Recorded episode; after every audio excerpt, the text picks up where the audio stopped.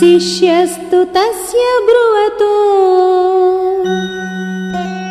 मुनिर्वाक्यमनूत्तमम् प्रतिजग्राह संहृष्टः। तस्य तुष्टो भवद्गुरुः।